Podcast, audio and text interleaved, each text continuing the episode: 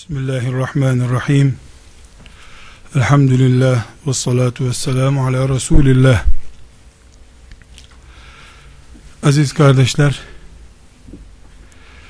bugün Kur'an-ı Kerim'in ikinci cüzünde iki sayfa kadar yer tutan Talut isimli bir kahramanın hayatından ders çıkarmaya çalışacağız inşallah. Talut Kur'an-ı Kerim'in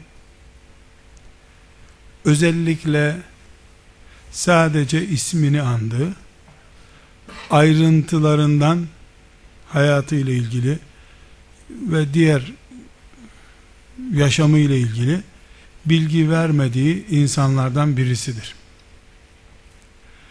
Ama biraz sonra göreceğiz ki Allah Talut isimli birisinden söz etti. Talut kaç yılında yaşamış, nerede yaşamış, kaç kiloydu gibi ayrıntıların hiçbirisine girmemiş. Hangi asırda dünyanın neresinde okunursa okunsun Kur'an görülür ki Allah Talut'u anlatırken aslında senin oturduğun kasabayı anlatıyor. İnsanı anlatıyor.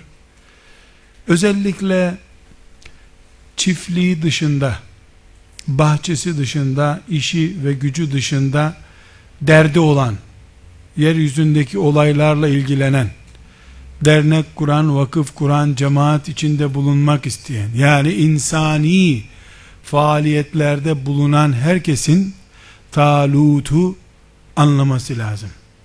Öbür türlü niye vakıf dağıldı? Neden bu hizmetler bu hale geldi? Neden hep Bengaldeş'teki insanlar sel afeti görüyor? Bunu anlayamaz. Dünyanın karışıklığı hiçbir zaman zihninde çözülmez. Talut ve onun şimdi biraz sonra konuşacağımız başından geçen olaylar yeryüzünde olup bitenlerin insanın bulunduğu yerde olup biten insani olayların en önemli şifrelerinden birisidir. Dileriz Allah anlamayı, anladığımızı tatbik etmeyi de bize müyesser kılar. Kardeşler, Kur'an-ı Kerim'in en çok anlattığı insan kitlesi İsrail oğullarıdır. İsrail oğulları Yakup'un çocukları demek.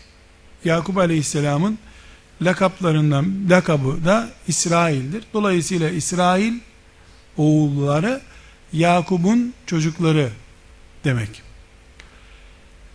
Yani soy olarak İbrahim Aleyhisselam'ın e, torunu Yakup Aleyhisselam'ın çocuklarının adına e, söylenen bir kavram bu. Yahudilik de İsrail oğullarının dininin adıdır. Yani Yahudilik din adıdır. İsrail oğulları ırk adıdır. Ama her Yahudi İsrail oğludur. Her İsrail oğlu Yahudidir. Çünkü Yahudiliğin Allah'ın lütfu ve keremiyle elhamdülillah o da Allah'tan bir nimet bize e, kendi kendine Tevrat'a yaptıkları ilavelerden birinde İsrail oğlu olmayan yani Yakup'un torunlarından olmayan Yahudi olamaz istese. İlla anası Yahudi olacak diye bir kural koydular. Kendi kendilerine geleceklerini kilitlediler elhamdülillah. Yani üreyebildikleri kadar. Kapana yakalanan, yem yiyip zehirlenenleri gidiyor. Gerisi ne kadar ürüyorsa o kadar Yahudi kalıyor. Onun için hiçbir zaman Yahudi misyoner duyamazsınız. Yahudinin münafığı fitnecisi olur, misyoneri olmaz. Çünkü Yahudiliğe dışarıdan iman edip girmek mümkün değil onların dinine elhamdülillah. Yani muharref halini bile kapattılar. Bir de düşün ellerindeki şimdiki silah, teknoloji ve para gücüyle ithal dindar da kabul etselerdi 7-8 milyar olurlardı 200 bin tane de geriye insan kalırdı herhalde. Yani kaplarlar. Elhamdülillah istese de kimse Yahudi olamıyor. Onların anlayışına göre tabi Musa aleyhisselam bütün insanlığı çağırdı. Ee, onlardan sonra Musa aleyhisselamdan sonra gelen peygamberler bütün insanlığı çağırdı bunlar kapıyı kapattılar İsrail oğulları demek Yahudiler demek ama Yahudilik Yahud da onların babalarından birisinin ismidir. Ondan gelen din anlamında. Ee, İsrail oğulları arkadaşlar Kur'an-ı Kerim'de en çok anılan ilk sureden itibaren Bakara suresinden itibaren hatta Fatiha suresinin son ayetinden itibaren ta Kur'an'ın sonuna kadar nerede bir melanet, bozukluk, fesat, huzursuzluk varsa hemen ayetin ya başında ya dibinde bir Yahudi ya da İsrailoğlu kelimesi vardır. Allah'ın en çok mucizesini, nimetlerini en çok gören millette bunlardır. Kur'an-ı Kerim'de Allah Teala ey İsrailoğulları hatırlayın size ne nimetler vermiştik. Ya bunlara hiçbir insana nasip olmayacak şekilde günlük rızıklarını pişmiş olarak Allah kapılarına koydu. Bunu gözleriyle gördüler. Sonra pırasa istediler Allah'tan. Hep bunu mu yiyeceğiz? Parasa yok mu ya Rabbi dediler. Bıldırcın kuşu pişmiş olarak kapılarına kondu. Sabahleyin kalkıyor. Servis yapılmış buluyor kapısında. Musa Aleyhisselam mucizesi olarak. Ama onlar pırasa, yeşil mercimek istediler Allah'tan. Kur'an-ı Kerim'den öğreniyoruz bunları. Bu millet Kur'an-ı Kerim'de çok yoğun geçiyor. Bu yoğunluktan dolayı da Musa Aleyhisselam'da o yoğunluk düzeyinde Kur'an-ı Kerim'de geçmiş oluyor. Bunlar iki açıdan Kur'an'da çok geçiyor. Birincisi çok fazla nimet gördüler Allah'tan diğer milletlere göre. Çok mucize gördüler. İkincisi bunlar kadar peygamber öldürmüş insan yok. Bütün cinayetlere denk cinayeti bunlar yaptı. Yani bütün milletler 100 peygamber öldürdüyse bunlar tek başına 200 tane öldürmüşlerdir. Bunlar Kur'an-ı Kerim bunları hitap ederken bu İsrailoğullarına hitap ederken peygamber katilleri diye çağırıyor. Maymun yavruları diyor. Çünkü bunlar epey bir zaman maymun yavrusu, hınzır yavrusu oldular. Cezalandırdı Allah bunları. Gerçi şimdi modernistler e, yeni bir sistem geliştirdiler e, İsrail'le ilişkilerimiz bozulmasın diye ya Allah öyle diyor ama o demek değil aslında demeye var. Allah hınzır olun, maymun olun dedik bunlara diyor. E, bunlar yani Kur'an'da böyle açık ayet var. Evirip çeviriyorlar bu ayetleri sırf Yahudilerle ilişkilerimiz bozulmasın diye. Nasıl ilişkileri varsa onu da bilmiyorum. Şimdi bizim için önemli bir ayrıntı var. Bu insanların iyi veya kötü Kur'an-ı Kerim'de sayfalarca ayetler boyu değil sayfalar dolusu anlatılması bütün asırlardaki Müslümanları düşündürmelidir. Niye Allah bunları bu kadar anlatıyor? Mesela şimdi Talut isimli birisinden konuşacağız. İkinci cüzün 19. ve 20. sayfası baştan sona onu anlatıyor. İsrailoğullarının hayatında bir günlük olay o.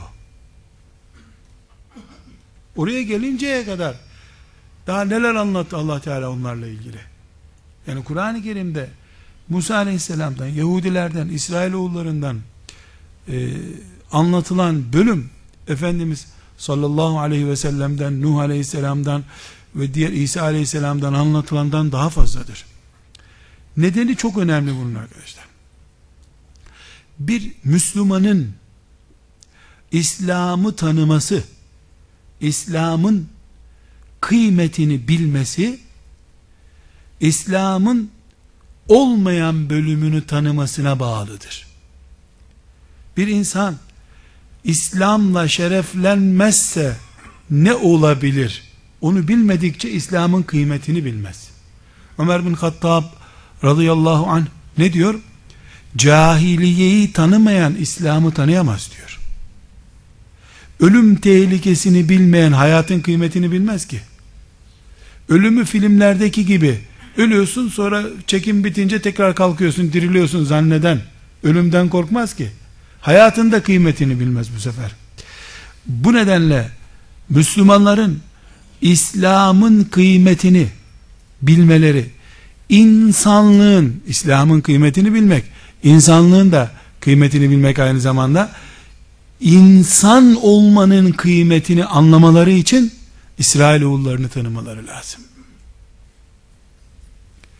Peygamberler ne çekti? Bunu anlaman için İsrailoğullarını anlaman lazım. Musa Aleyhisselam'ı çözmen lazım.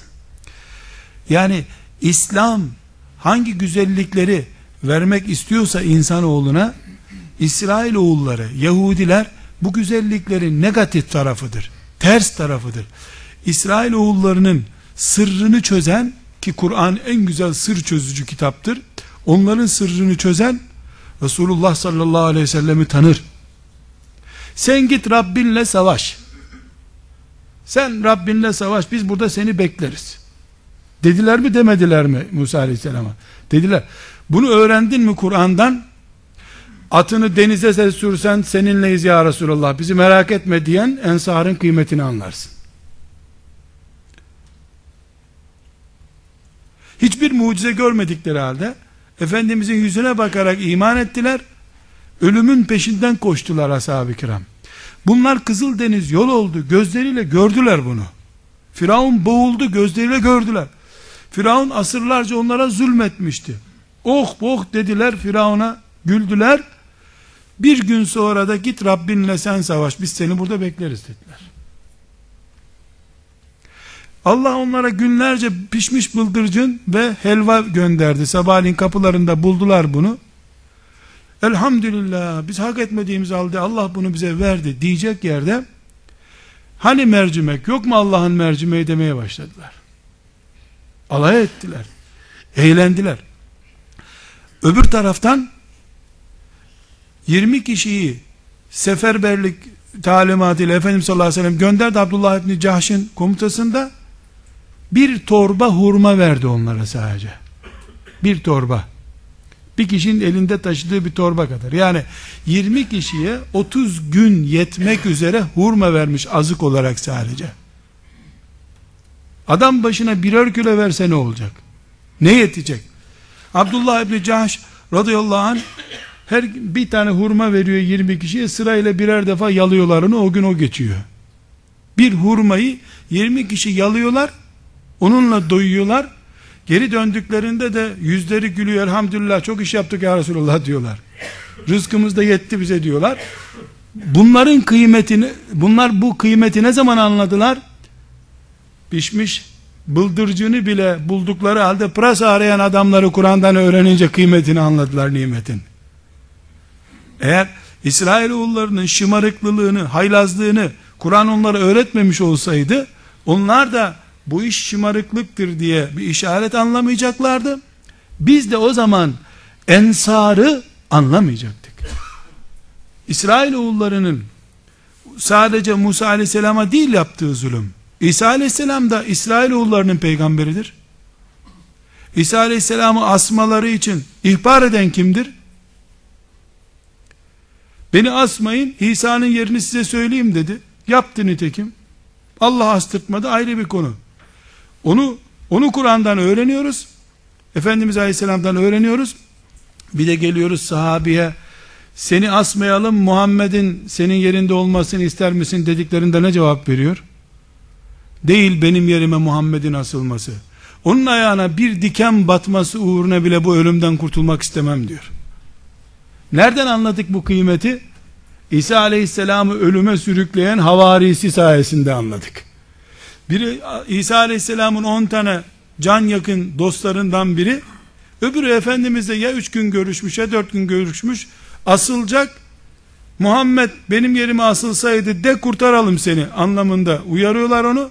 Ne asılması ayağına diken batmasına bile razı olmam onun ben kurtulmam için. Kıymet nereden anlaşıldı?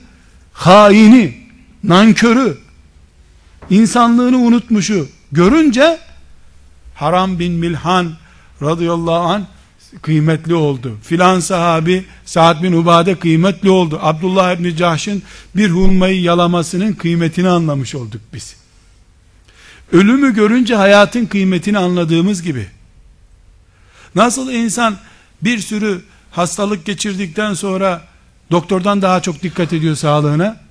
Çünkü kıvranıyor, hastanelerde sıra bekliyor.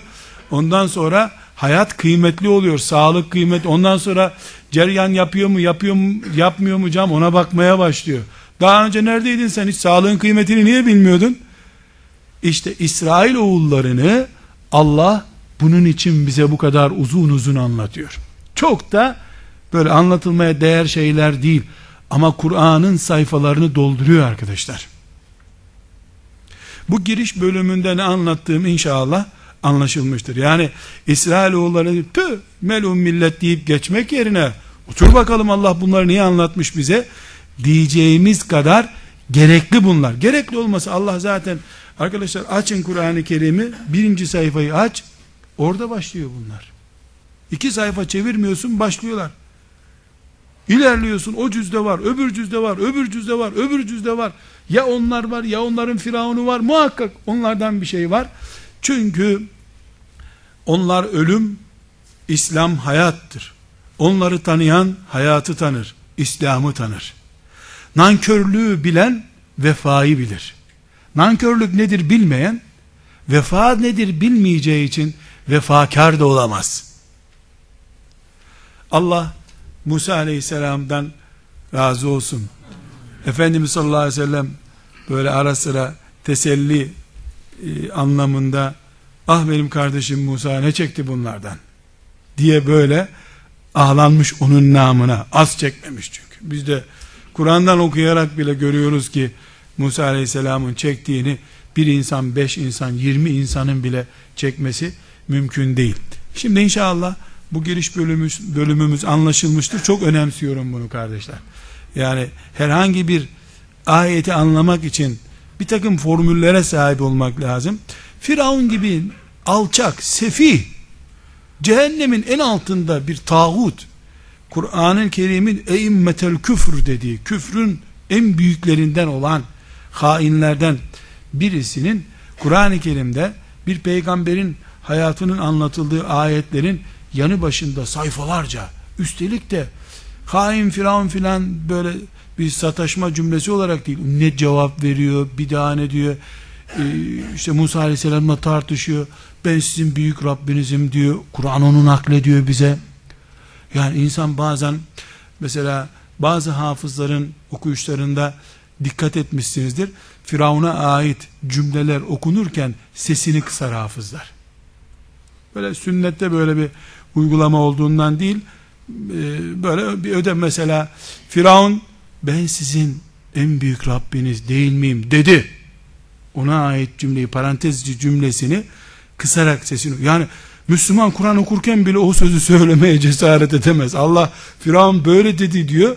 O ayeti okumak bile diken diken ediyor Müslümanın tüyünü. Ama Kur'an-ı Kerim bunları uzun uzun anlatıyor. Neden? İnsan firavunlaşınca neler yapabilir? Bunu görmen lazım ki 2009 yılında kalkıp da Allah Allah bu İsrailoğulları niye bu insanlara zulmediyor deme. Kardeşim bunlar bir sabah namazından kinti namazına kadar 300 peygamber kesmişler. Ne diyorsun sen ya? 300 Filistinli destereyle kesse ne olur?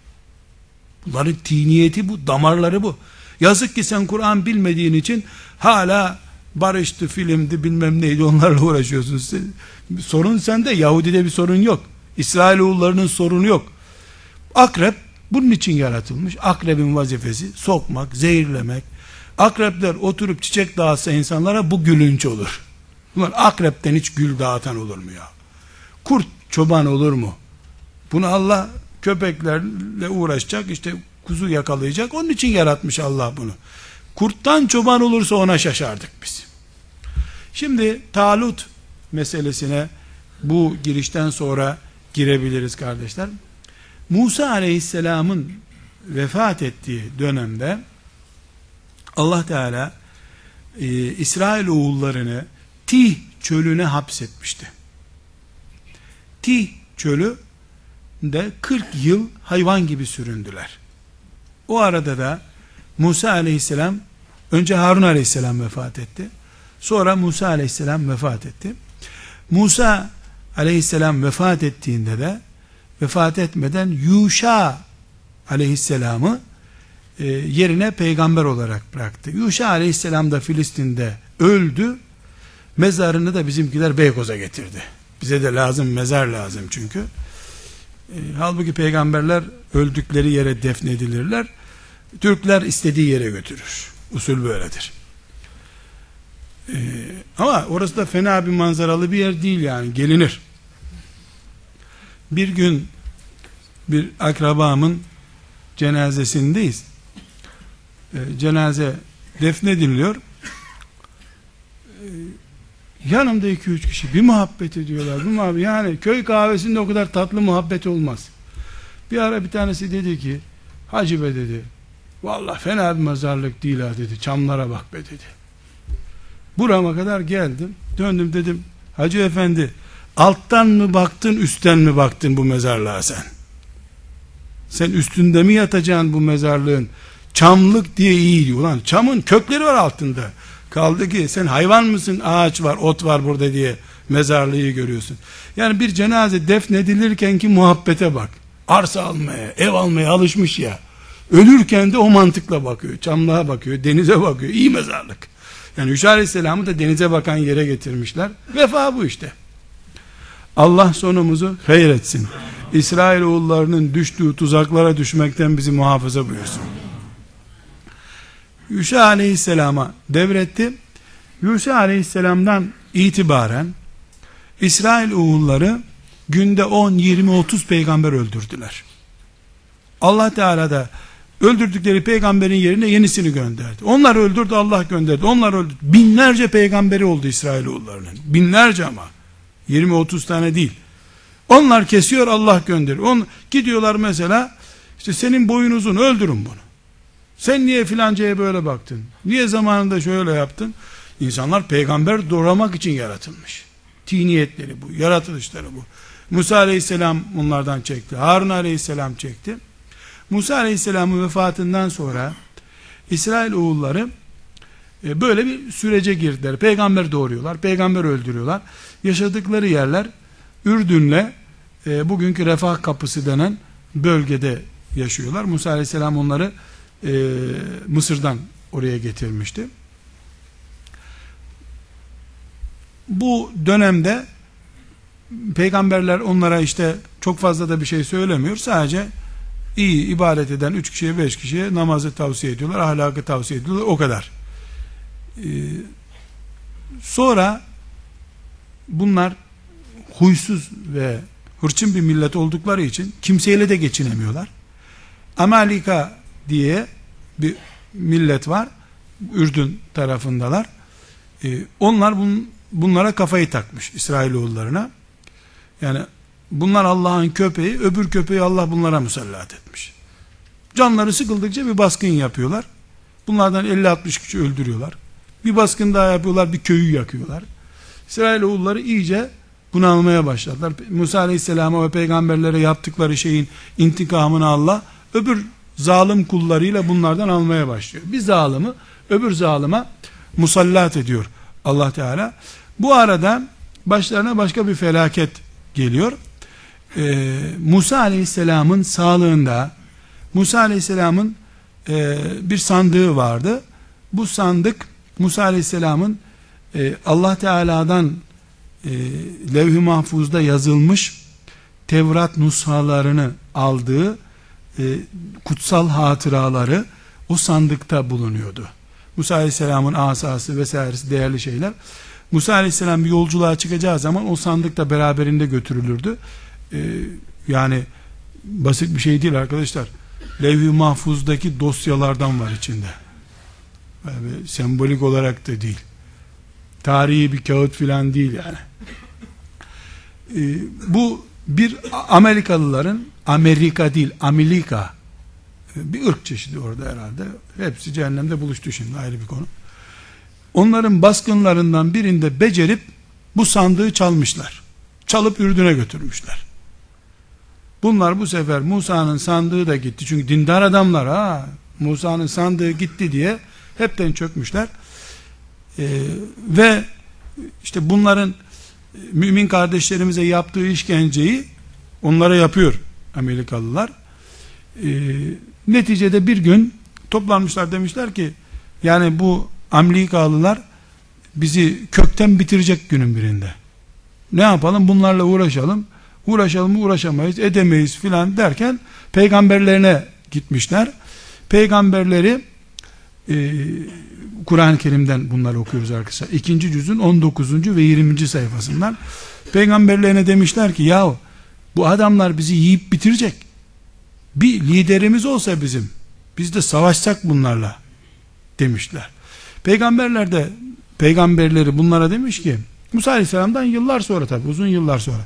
Size güvenilir mi demiş bırakar gidersiniz sizin, size ordu diye güvenilmez ya etme biz ne demek artık canımıza tak etti kim liderse kabul ediyoruz dediler. Bize bir lider tayin et. Kendileri seçemiyorlar çünkü. Yani e, cesaret edip birisi lideriniz olayım demiyor peygamberleri de e, Talut isimli bir genci e, bu sizin lideriniz, hükümdarınız diye onlara tayin ediyor Allah'ın emriyle. Hay Allah razı olsun senden biz de bu lideri arıyoruz demediler. İlk itirazlarını patlattılar. Fakir bir çocuktan lider mi olur ya dediler. Zengin birini tayin et bize. Sabahleyin Allah bize bir lider tayin etsin onunla savaşalım. Her şeye razı canımıza tak etti dediler. Öğlende itiraz ettiler. Hem bunun babası da kral değildi dediler. Şöyle hükümdar aileden olsun. Bu sefer e, peygamberlerini yalanladılar. Allah bunu tayin etme canım fakirlerden mi gönderirmiş Allah lider filan böyle alay da ediyorlar. O da onlara dedi ki bakın sizin kayıp sandığınız var ya Amerikalıların çaldığı sandık o sandığı size getirirse inanırsınız herhalde. Melekler size getirip onu teslim edecek. Böylece savaşı kazanacaksınız tamam mı? Tamam o zaman kabul ederiz dediler. Ve Talut'u lider olarak kabul ettiler. Talut peygamber filan değil. Çok akıllı, zeki, e, lider bir adam. Çünkü Kur'an-ı Kerim e, buyuruyor ki o Talut'a ilim de verdik, pazı kuvveti de verdik diyor. Pazısı da güçlü, kafası da çalışıyor, savaş taktikleri biliyor. E, bunlar toplandılar. 80 bin kişilik ordu kurdu Talut bunlardan. Bunlar istediler. Yani biz artık canımıza tak etti kurtaralım dediler. E, bu Gazze ve o yöreden 80 bin kişi toplandılar. Talut bunları işte eğitti. Ürdün'e doğru savaşa gidiyorlar. Amerikalılarla savaş. Amerikalıların başında da Calut diye bir izbandut var. Böyle hayvan mı insan mı belli değil. Acıkınca insan yiyor böyle bir tip. Vahşi bir adam. Güçlü kuvvetli önüne kimse çıkamıyor. Bunlar zaten ismini duyunca Calut'un kaçıyorlar. Böyle acayip bir şey. Neticede e, Talut bunlara diyor ki yani siz sabıkalı bir milletsiniz. Yolda ekerseniz bir daha böyle bir şey deme bize diyorlar. Ne demek yolda ekeceğiz? Biz bizim için gidiyoruz zaten. La etmeyin sizi bak. Bizi imtihan edebilirsin diyorlar. Peki diyor. Bakın diyor yolda önümüze bir nehir çıkacak. Bu nehirden bir iki avuç sudan fazla su içeni bırakacağım orada. İlk testiniz orada olacak. Tamam içmeyiz dediler. Ürdün Nehri diye bir nehirden geçerken indiler dereye. Yorulana kadar içtiler. Çölde yürüdükleri için de bir kova su içince çöküp kaldılar orada. E, Talut sözünden dönmedi. Su içmeyenler benimle gelsin dedi. 4000 kişi onunla yola çıktı. 80 bin kaç kişi azalmış arkadaşlar? 76 bin kişi dökülmüş orada. Daha 20 kilometre gitmeden yol başındayken bunlar e, Ürdün bölgesinde Calut'un ordusuyla karşılaştılar. Kaç kişi Talut'un yanında? 4 bin kişi. Talut ordusunu düzene koydu. Calut'un ordusuna bir baktılar ki bir ucundan öbür ucu görünmüyor. İlk cevapları ne oldu? Deli misiniz? Bununla savaşılır mı ya dediler. Bırak geri gidelim. Hiç olmasın sağ kalırız dediler. 315 kişi kalmış Talut'la arkadaşlar. 315 kişi. Ashab-ı kiramdan Ebu Said radıyallahu anh diyor ki Bedir'deki sahabi sayısıyla Talut'un adamları aynıydı diyor. Bedir'de de 314 kişi biliyorsunuz. 314 kişi onlar da 315 kişi işte kalmış. Bütünü 315 kişi. Bu 80 bin rakamı ayetlerde yok. Hadislerde yok. Tarih kitaplarında var. Ama 315 rakamı hadis-i şerifte var. 315 kişi kaldılar diyor. O arada Talut işi vaktinden çok adam olduğunu ilan eden sloganını söylemiş. Kem min fiyetin kaliletin galebet fiyeten kesireten biiznillah. Vallahu ma'as sabirin. Nice azlar Allah yardım edince çokları perişan ettiler. Allah sabredenlerle beraberdir geri dönmüyoruz demiş. En az 200 bin kişilik orduya 315 kişiyle saldırmışlar.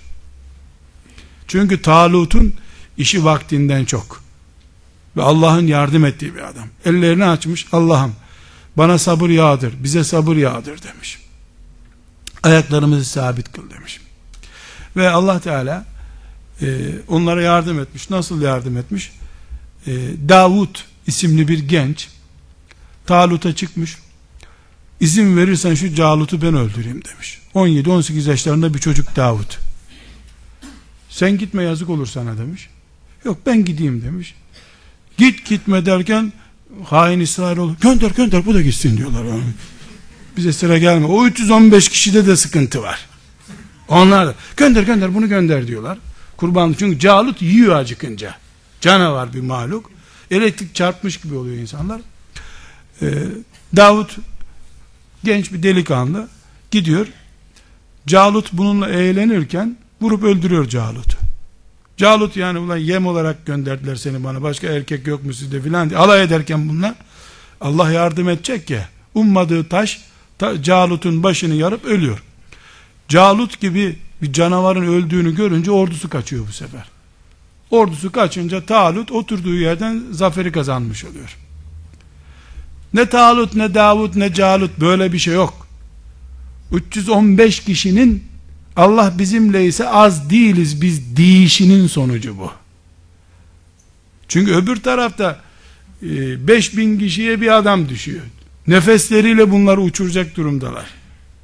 İş tekniğe boğulunca teknikle, silahla, insan sayısıyla ölçüm yapınca e, herhalde 200 binle 300 yani 300 tank olsa 200 bin kişinin önünde ne yapacak diye düşünmek gerekiyor. Ve neticede e, Davut daha sonra oradaki e, o zaferiyle veyahut da Calut'u tek başına öldüren yiğitliğiyle Allah Teala onu da taltif ediyor. Bildiğimiz Davut aleyhisselam odur. Orada ilk defa ortaya çıkıyor. Şimdi kardeşler Talut olayının Kur'an-ı Kerim'de bu kadar uzun anlatılması mesela Bedir Savaşı'ndan daha e, fazla yer alıyor ve Bedir Savaşı'ndan önce, Uhud Savaşı'ndan önce, Hendek Savaşı'ndan önce Kur'an'ın anlattığı savaşlar bunlar. Mekke'nin fethinden önce yani onlardan önce Allah bunları anlatıyor. Neden? Çünkü başta ne dedik? Yani bugünkü insan, o zamanki insan, yeni bir insan çıkmadı yeryüzüne. İnsanoğlunun genlerinde hangi mikrop varsa o zaman vardı o mikrop. Dolayısıyla İsrail oğullarını, İsrail oğullarının bu bataklıklarını bilen bugünkü olayları çok iyi tahlil eder. Bu sebeple velev ki velev ki Allah seni özellikle seçmiş olsun. Velev ki onlar seninle ölümüne sözleşmiş olsunlar. Uzun yola çıkanlar Talut'u unutmamalıdırlar. Etrafındaki kalabalığa güvenen perişan olur. İşte Talut'un başına gelen. Talut şunu demekte haklı değil miydi? Ulan ben evimde oturuyordum. Siz istediniz beni geldim. Ne bırakıp gidiyorsunuz? Ben de lanet olsun sizin yüzünüzden niye canımı tehlikeye atayım dese. Bir ahlaki sakıncası var mıydı bunun? Çağırdınız geldim bıraktınız gidiyorum diyebilirdi. Ama bir kere azmetti. Yola çıktı. Etrafındakilerin tamamına yakını tamamı Çekip gittiği halde azlık çokluk yok Allah benimledir dedi yoluna devam etti. İnsan psikolojisi, kitle psikolojisi budur. Sana mitinglerde büyük kalabalıklar alkış tutmuş. Binlerce insan imza kampanyasında senin için imza atmış. Öl de ölelim demişler. Biz böyleyiz. Bu millet şöyle bu sözlere sakın inanmayasın sen. Tek başına gidebileceksen git. Arkandaki kalabalığa güvenme. Bu dersi şu Talut dersini Huneyn savaşına kadar ashab-ı kiram da iyi anlayamamışlardı. Huneyn'den sonra onlar da buna onlar da öyle bir ufak yanlış iş yaptılar orada. Yani bu ordunun önüne kim dayanabilir dediler. Ee, orada e, Huneyn'de diğer düşmanları görünce kaçacak delik aradılar. Her insanda şu oranda veya bu oranda bu sıkıntı vardır. Kitle budur. Toplum budur. Gürültü yapar. Mesela Kur'an-ı Kerim ashab-ı kiramdan örnek veriyor. O da bize ders olsun diye. Şimdi Efendimiz sallallahu aleyhi ve sellemin peygamberliğinin 14. yılının sonuna kadar yani 15. yılına kadar cihada izin verilmedi. Cihada e, izin verilmedi. Yani cihat yasak. Konuş. Adam saldırıyor. Sen e, kılıç kullanmıyorsun. Böyle Bedir gazvesiyle beraber e, Allah Teala izin verdi. Üzenellezine yukatelune bi ennehum zulümü. Artık zulüm uğrayanlar cihad edebilirler diye Allah Teala izin verdi. O dönemden önce ashab-ı kiram oturuyorlar. Efendimiz Aleyhisselatü Vesselam'ın önünde kahramanlık tasıyor. Ya Resulallah yani biz e, ne bekliyoruz ki ya aslında bunları şöyle deriz. Bırak beni şunu şöyle yapayım falan böyle e, hamasi düşünceler, delikanlı tavırları filan. Kur'an-ı Kerim onları uyardı. Böyle konuşuyorsunuz ama cihat emri gelince ne yapacaksınız anlamında ikaz etti. Nitekim, nitekim böyle bol keseden mücahitlik yapmak için hazır olduğunu yani şöyle tutmasa peygamber var ya dağıtacak Ebu Cehil'i falan böyle bu görüntüleri verenler e, cihat emredildiği zaman ölü görmüş gibi oldular diyor Allah Teala Kital suresinde. Daha cihat emredilmiş. Kılıç yok, dövüş yok, sadece izin çıkmış. Bunlar cenaze görmüş gibi oldular diyor. Ashab-ı kiram bile demek ki yani Efendimizin önünde bol kesiden konuştular. Sonra iş ciddiye bineceğini anlayınca daha iş savaş olmaktan tabi e, şey sadece Allah Teala'nın ayeti indi. Anlaşıldı ki cihada izin verildi. E, ölü görmüş gibi oldular Allah Teala buyuruyor. Ölü görmüş gibi. Tabi şüphesiz herkes için hepsi için geçerli değil. Ama insan mantığı budur. Dolayısıyla biz Talut dersinden çift yönlü bir ders çıkarıyoruz. Lidersen bu psikolojiye hazır ol. O toplantılarda gidelim ya filanca kurumun önünde bulunalım ne demek ya diyen çok bulunur. Hemen Nasrettin Hoca'nın Timurlenk fili aklına gelmeli. O Nasrettin amcanın e, Timurlenk'le olan fil hikayesi de bayağı mübarek bir hikayedir. Doğru mudur yalan mıdır bilmem de. Çünkü Timurlenk'in önünde öyle şaka yapacak kim ne cesaret. Ee, dolayısıyla yani gidersin erkek filleri de çağırmak için. Bu lidersen buna hazır olacaksın. Yani geliyor kardeşler hocam ne tavsiye edersin filanca e, derneği kuruyoruz diyor. Kaç kişisiniz diyorum işte şu kadar. E, siz bir taneniz yapmaya hazırsanız başlayın bu işe diyorum. Hepsinin yarın işi çıkar. Üç ayda bir doğum yapar hanımları sen anlamazsın onu. Haftada iki defa dayısı teyzesi ölür. Senede 200 dayı yapar bu. Ölür. Hep acil işi çıkar onun. Hiç normal işleri olmaz. Ama bol keseden kongrede riskli bir oy kullanılacaksa dünyanın en boş adamıdır. Gelir hemen oy kullanmaya. Seninle dövüşecek ki orada. Bu böyle Adem Aleyhisselam'dan beri böyle. Böyle olduğunu Allah kitabında tescil etti. Kur'an-ı Kerim gibi bir kitap, tarih kitabı değil, coğrafya kitabı değil, edebiyat kitabı değil, böyle bir olayı tescil etti teravihte okuyorsun, ölünün arkasından okuyorsun, hafızlık yapmak için okuyorsun, sabah akşam Kur'an okuyorsun. Bu Kur'an niye bu kadar tekrar ediliyor? Ölüye bile okuyorsun bu ayetleri, sen anla Talut hikayesini diye. Bir, yani liderlik açısından, önderlik açısından bakınca pozisyon budur. E, bu önderlik illa siyasi bir parti kurma, bir vakıf kurma değil. Köy derneği kurarsın. Köylüler toplanırlar. Ya bizim köy çok fena. Mezarlıkları bile berbat oldu. Abi gel sen bir başkan ol. Şu mezar. Biz zaten sen hiç sadece imza at. Kaymakamlığa ver. Geri, biz hallederiz gerisini. Abi sen merak etme de seni öne sürerler. Ondan sonra o mezara girmeden sen kurtulamazsın bir daha. Yani o 50 kişi bir düğünde sana demişlerdi dernek kuralım. Bir kişi bulamazsın etrafında. 80 binden 315'e düştüyse gerisini hesaplasan artık işte. 80 bin 315 kişi olmuş. E sen 80 kişiyle başladın, eksi 20 kişi eder bu. Yani senin evdeki çocukları da feda edeceksin demektir. O işten kurtulabilmek için. Lidersen buna hazır. Ha bir dakika. Bu lanetli milletin demek önüne geçilmez. Bu Talut'un lafı değil. Bu Talut'un değil, Talut'a er olanların lafı bu. Bu milletin önüne geçilmez. Calut'la uğraşılamaz, onlar dedi. Talut ne dedi? Boş ver milleti ya Allah benimle dedi, yoluna devam etti. Onun için de Kur'an'da adı geçen bir insan oldu. On binlerce peygamberin adı Kur'an'da yok. Ashabtan kimsenin adı Kur'an'da yok. Talut Beni İsrail'den, İsrailoğullarından köylü bir delikanlı. Fakir üstelik adama bir de fakir gelmiş milletin başına geçmiş. Babasının şöhreti yok. Kral çocuğu değil. Gelmiş milletin başına geçmiş.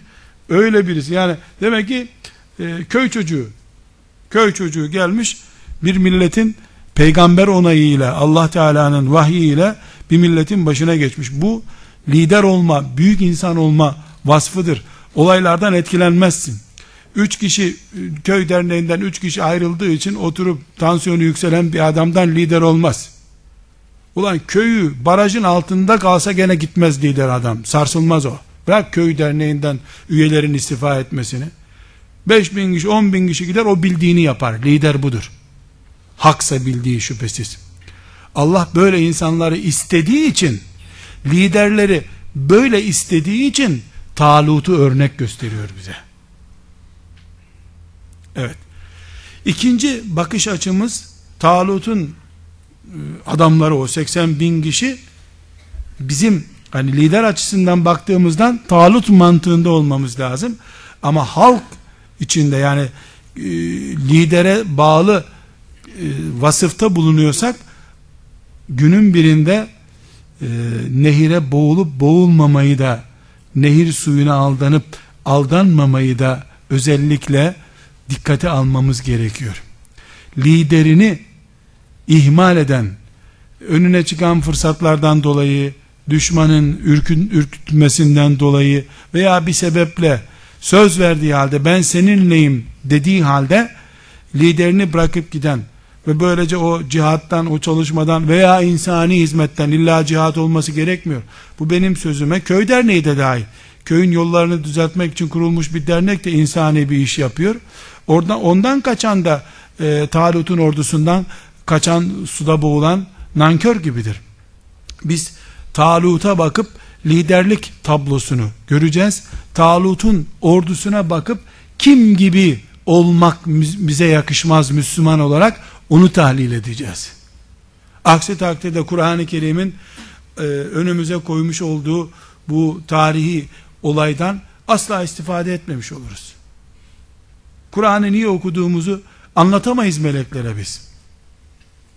Bunu eğer kardeşim bu ayetleri elem tara ilel meleğim beni İsrail'en ba'de Musa bu bu ayetleri Talut'u anlatan ayetleri ölü okuyorsan ölüye ne faydası var bunların? Talut'tan ne anlar ölü?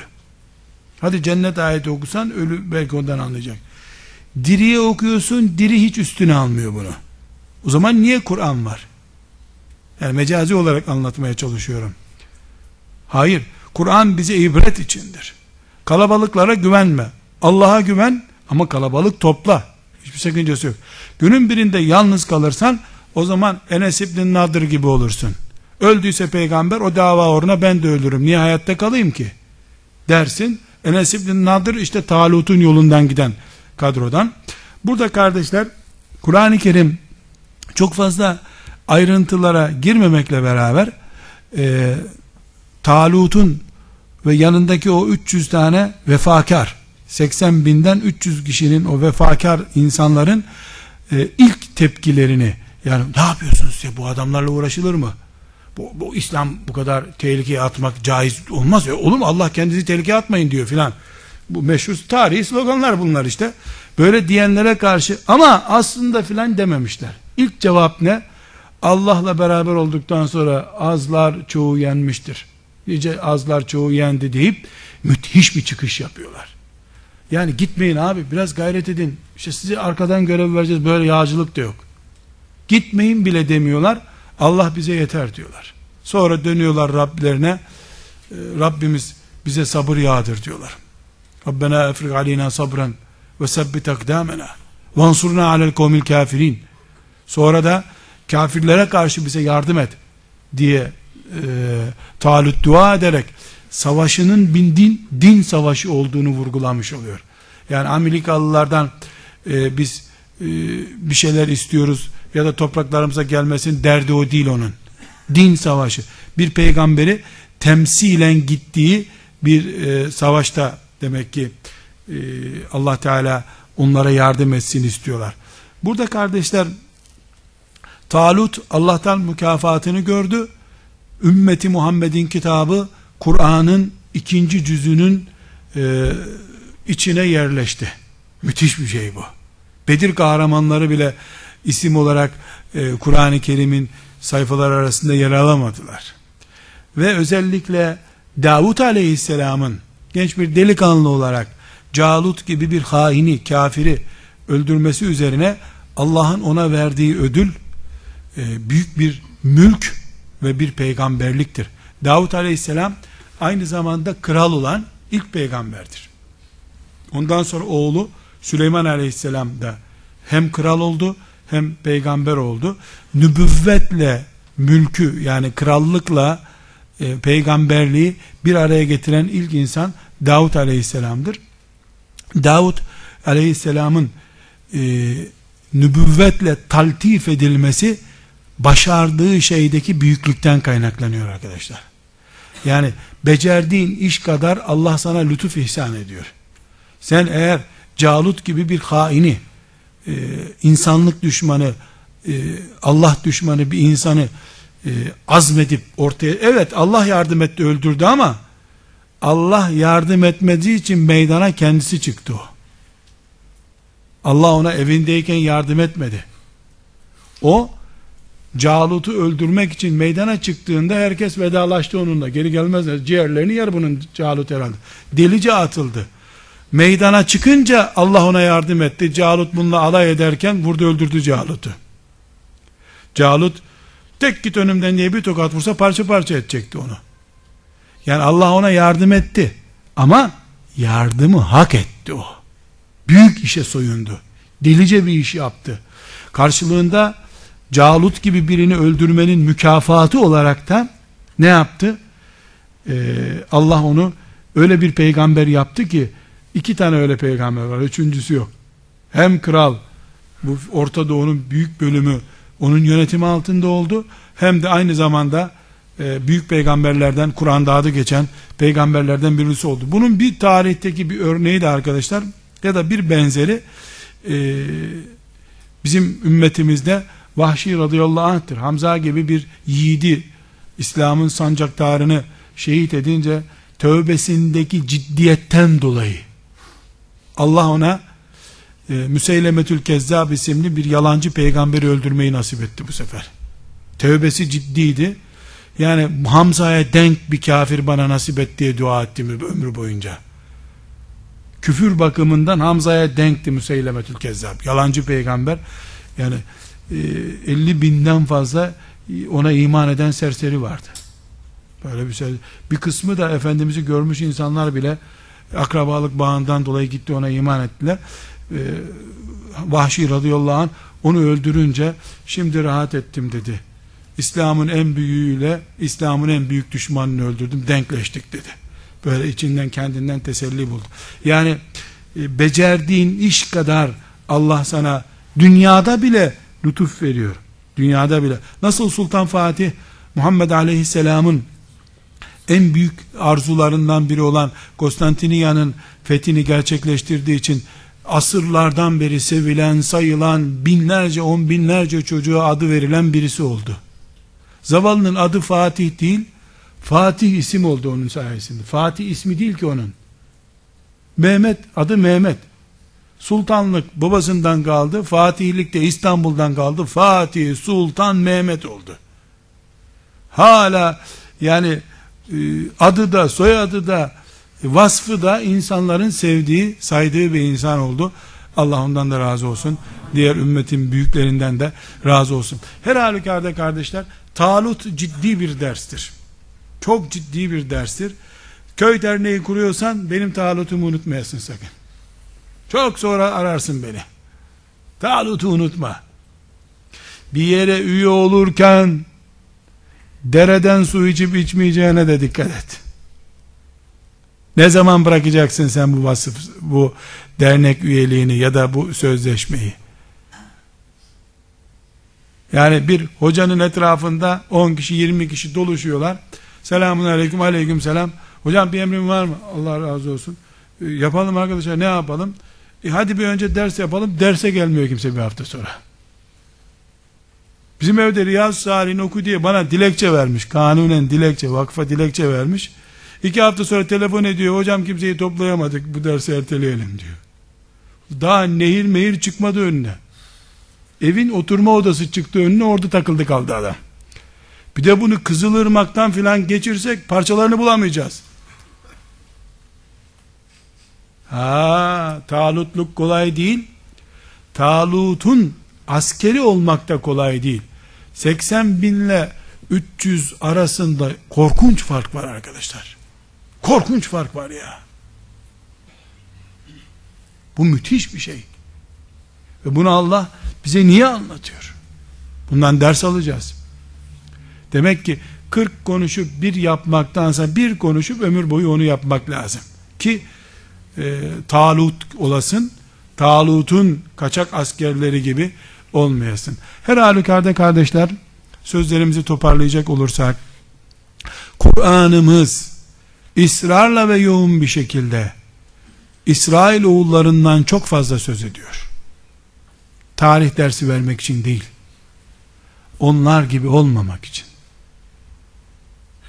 Çünkü kötülüğü bilmeyen iyiliği de takdir edip onun üzerinde kalamaz. Kalamıyor nitekim. Dileriz Allah talut mantıklı olarak yaşamayı ve Rabbimizin huzuruna o mantıkla çıkmayı hepimize müyesser kılar. Velhamdülillahi Rabbil Alemin.